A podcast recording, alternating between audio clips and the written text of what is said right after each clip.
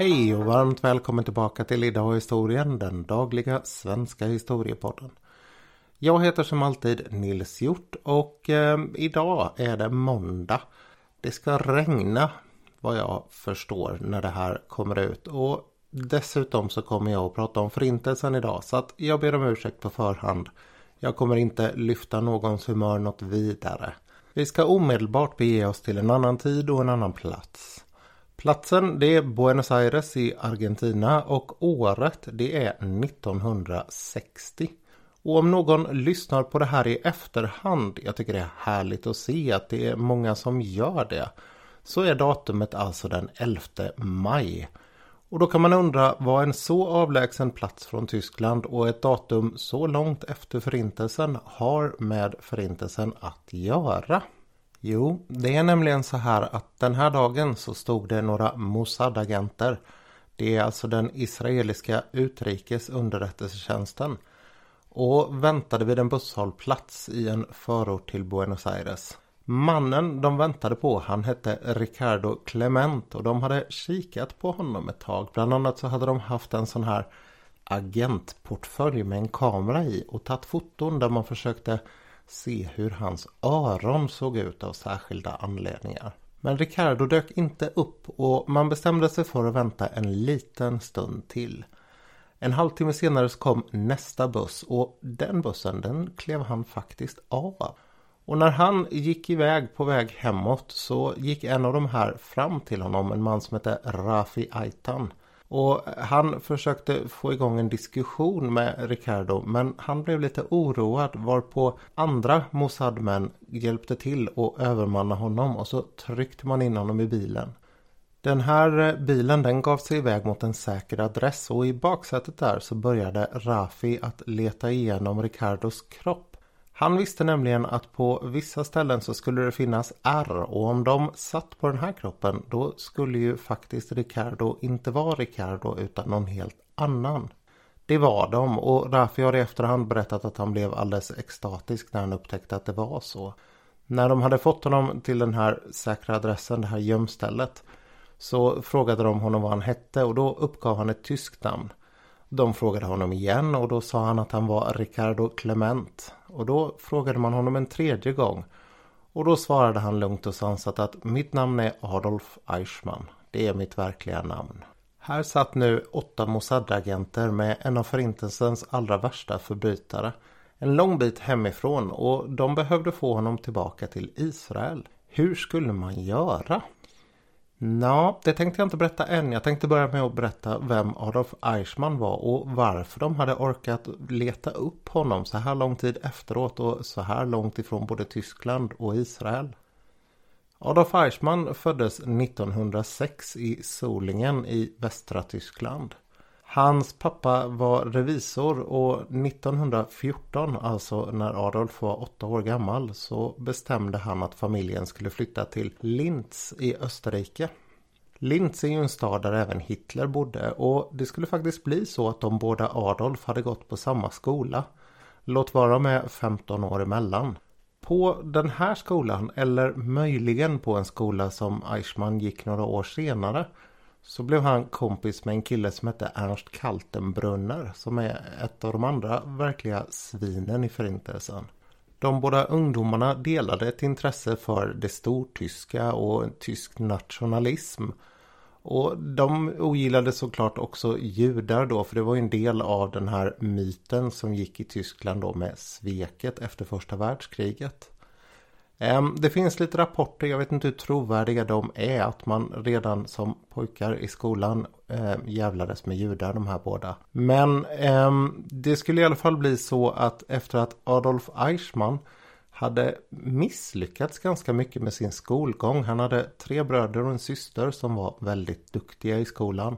Men själv var han inte vidare vass. Han eh, Läste klart vanlig skola och sen efter det så började han läsa någon form av ingenjörsutbildning som han aldrig avslutade. Mot slutet av 20-talet så började han att arbeta som resande försäljare för ett oljebolag och han gillar det här. Han gillar friheten och han gillar att åka runt i bil.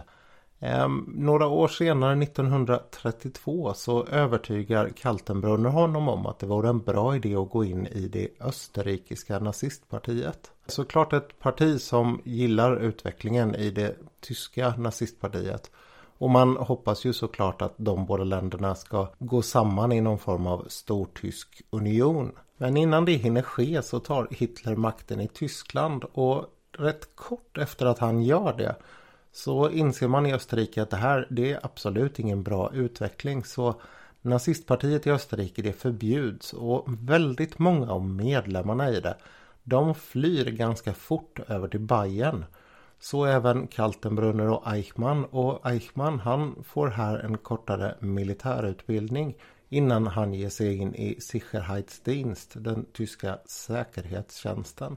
Det är här han gör karriär och han kommer tillbringa nästan hela sin tid i det tyska nazistpartiet med att sitta bakom ett skrivbord. Ett eh, väldigt dödligt skrivbord får man säga. Han börjar ganska snart på en avdelning som övervakar judiska förbund och bland dem även de sionistiska förbunden. Sådana här förbund som hade börjat med att växa fram i Österrike kring Theodor Herzl och som hade som idé att judarna skulle åka tillbaka till Israel och bygga upp en ny stat där. Och det går faktiskt så långt att eh, Adolf Eichmann han åker till Palestina som området heter då det brittiska protektoratet Palestina 1937 för att undersöka möjligheten att få judar att flytta dit. Det kommer inte alls bli det här som händer men han börjar göra sig ett namn i just det här med hantering av judar inom partiet. Efter Anschluss när Österrike blir en del av det nazityska riket så är det han som har hand om att öppna ett centralkontor för judisk utvandring i Wien. Det här är ju såklart ingen frivillig utvandring i första hand utan det handlar ju om att få folk att flytta ganska påtvingat och att dessutom plocka av dem deras egendom. Han gör det här jobbet så pass väl att det får bli modell för ett likadant kontor som ska sköta om hela det tyska riket. Han börjar också jobba på det kontoret och 1938 så är det ju Tjeckoslovakiens del att bli en del av det tyska riket. Där börjar han väldigt hårt att trycka på för att man även ska göra den här delen judefri som det kallas. Alltså ta bort alla judar därifrån. Än så länge så sker det via deportation. Men så fort kriget har börjat och Tyskland börjar lägga under sig andra områden där det finns judar så går Eichmanns karriär väldigt oroväckande uppåt. Han flyttas 1939 över efter en omorganisering till Gestapo. Där har han först hand om vräkningar men senare så blir han chefen avdelning som har hand om vad man kallar för judefrågor. Det är också i den här rollen som han gör sig skyldig till sina allra värsta förbrytelser. Man räknar med att någonstans mellan en och en halv och två miljoner judar genom hans planering transporterades från olika delar av Europa och till Polen eller delar av det ockuperade Sovjetunionen för att mördas. Till sin hjälp så hade han någonting som kallades för Eichmann-männer, så kallade Eichmann-män, vilka var hans närmaste medarbetare. De skötte all planering och Eichmann själv han var inblandad ända ner på tågtidtabellsnivå. Vilka vagnar, vilka tider och så vidare. Det enda fallet där han faktiskt var med på plats det lär ha varit i Ungern under 1944. När Reinhard Heydrich kallade till Wannsee-konferensen. Den här konferensen där man skulle samordna hur olika delar av den nazistiska staten skulle delta i förintelsen. Då skickade han ut ett meddelande till Adolf Eichmann att han skulle få göra ett föredrag där och förklara hur planeringen gick till. Så han hade en ganska aktiv roll bland de 15 som var på den här konferensen. Efter kriget så greps Eichmann av amerikanska trupper och han fördes till ett läger som var till för SS-män. Där levde han under falsk identitet men när de började komma honom nära så rymde han därifrån. Det är lite oklart, för min del åtminstone, hur han fick hjälp att ta sig till Argentina sen. Det kan antingen ha varit genom en sorts hemlig organisation för män då som hade varit med i SS. Eller med hjälp av folk från katolska kyrkan. Det hävdas lite olika på olika håll får jag faktiskt säga. I Argentina så började Eichmann sen om igen. Hans fru och två av deras söner kom också dit och de skulle även få en fjärde son något senare i Buenos Aires. Han arbetade där på Mercedes fabrik och det var därifrån han var på väg hem den där dagen när han greps. Det var många stater och organisationer som hade sökt efter Eichmann sedan han avvek från det amerikanska lägret.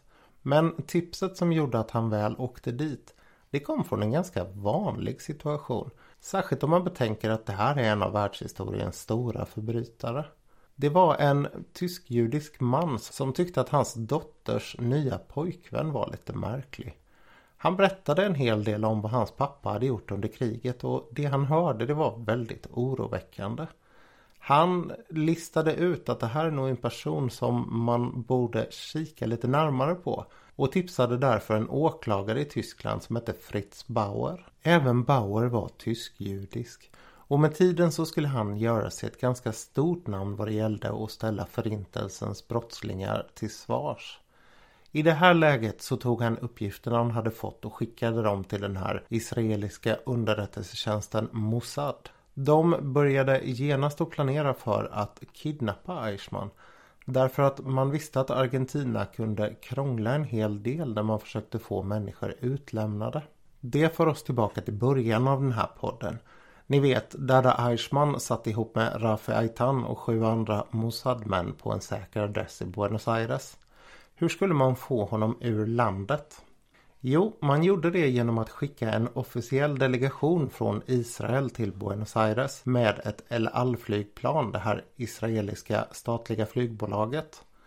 Sen tog man Eichmann och drogade honom riktigt ordentligt så att han inte var helt med i vad som hände drog på honom en uniform från Elal och sen så sa man att han hade blivit sjuk, han tillhörde personalen. Och dessutom så hade man ju då förfalskat dokument för honom så att han skulle se ut som om han var Israel. Därefter så rullade man ombord honom på flygplanet och satte honom i första klass och flög över honom till Israel med en kort mellanlandning. När David Ben Gurion sen gick ut, den israeliska premiärministern alltså, och berättade att man hade lyckats fånga Adolf Eichmann så häpnade världen. Men ganska fort så började det också höras kritiska röster. Först ut var Argentina som i FN klagade på att Israel hade kränkt deras suveränitet när de gjorde på det här sättet. Det här följdes av andra som menade att det fanns någonting juridiskt ganska dubiöst får vi väl säga i att ett land kidnappar en person i ett annat land för ett brott som är begånget i ett tredje land. Israel själva de hänvisade till en lag från 1950 som gav domstolar rätt att eh, agera mot personer som på olika sätt hade begått brott mot det judiska folket under andra världskriget. Dessutom när åtalet väcktes mot Eichmann så hade man 15 olika åtalspunkter där även brott mot mänskligheten ingick. I april 1961 så började rättegången mot Eichmann och det var Big News. Omkring 500 journalister rapporterade från Jerusalem där rättegången hölls. Och det här var också den första rättegången där Israel själva åtalade någon som hade deltagit i förintelsen. Det hade varit en ganska stor utveckling vad det gällde media sedan Nürnbergrättegångarna. Och det här gjorde att man filmade väldigt mycket och sände det ut över världen.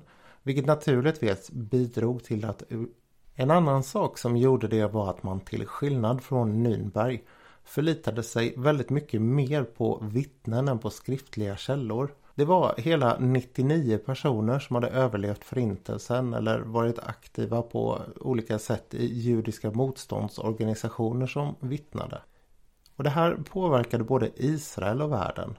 Israel på så vis att väldigt många som hade varit tysta om vad de hade varit med om under kriget började att prata om det. Ute i världen så gjorde den här rättegången att man började prata om förintelsen på ett helt nytt sätt.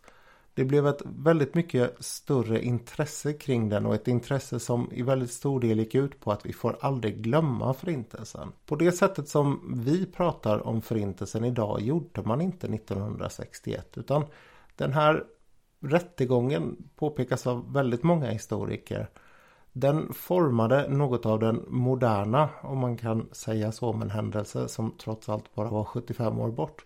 Men den bild vi har idag av förintelsen. Det mest fascinerande från den här rättegången det är väl egentligen det sätt som Adolf Eichmann försvarade sig på.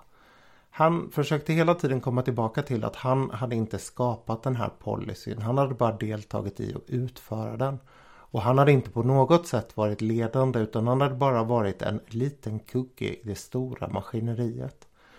Samtidigt så säger han en hel del saker som är ordentligt uppseendeväckande. Vid något tillfälle i förhören så säger han att eh, ja men det var så här jag tänkte på den här tiden. Hade de sagt att min far var förrädare och att jag var tvungen att döda honom så skulle jag ha gjort det. Eller som när han säger att den ordning och reda som jag utförde de här uppgifterna med de har väl på något vis faktiskt varit till gagn för de som jag skickade på tågen. Försvarslinjen den höll inte utan Eichmann han dömdes i slutet av 1961 till döden. Och han försökte både överklaga och bli benådad men inget av försöken lyckades. Natten mellan den 31 maj och 1 juni 1962 så hängdes han.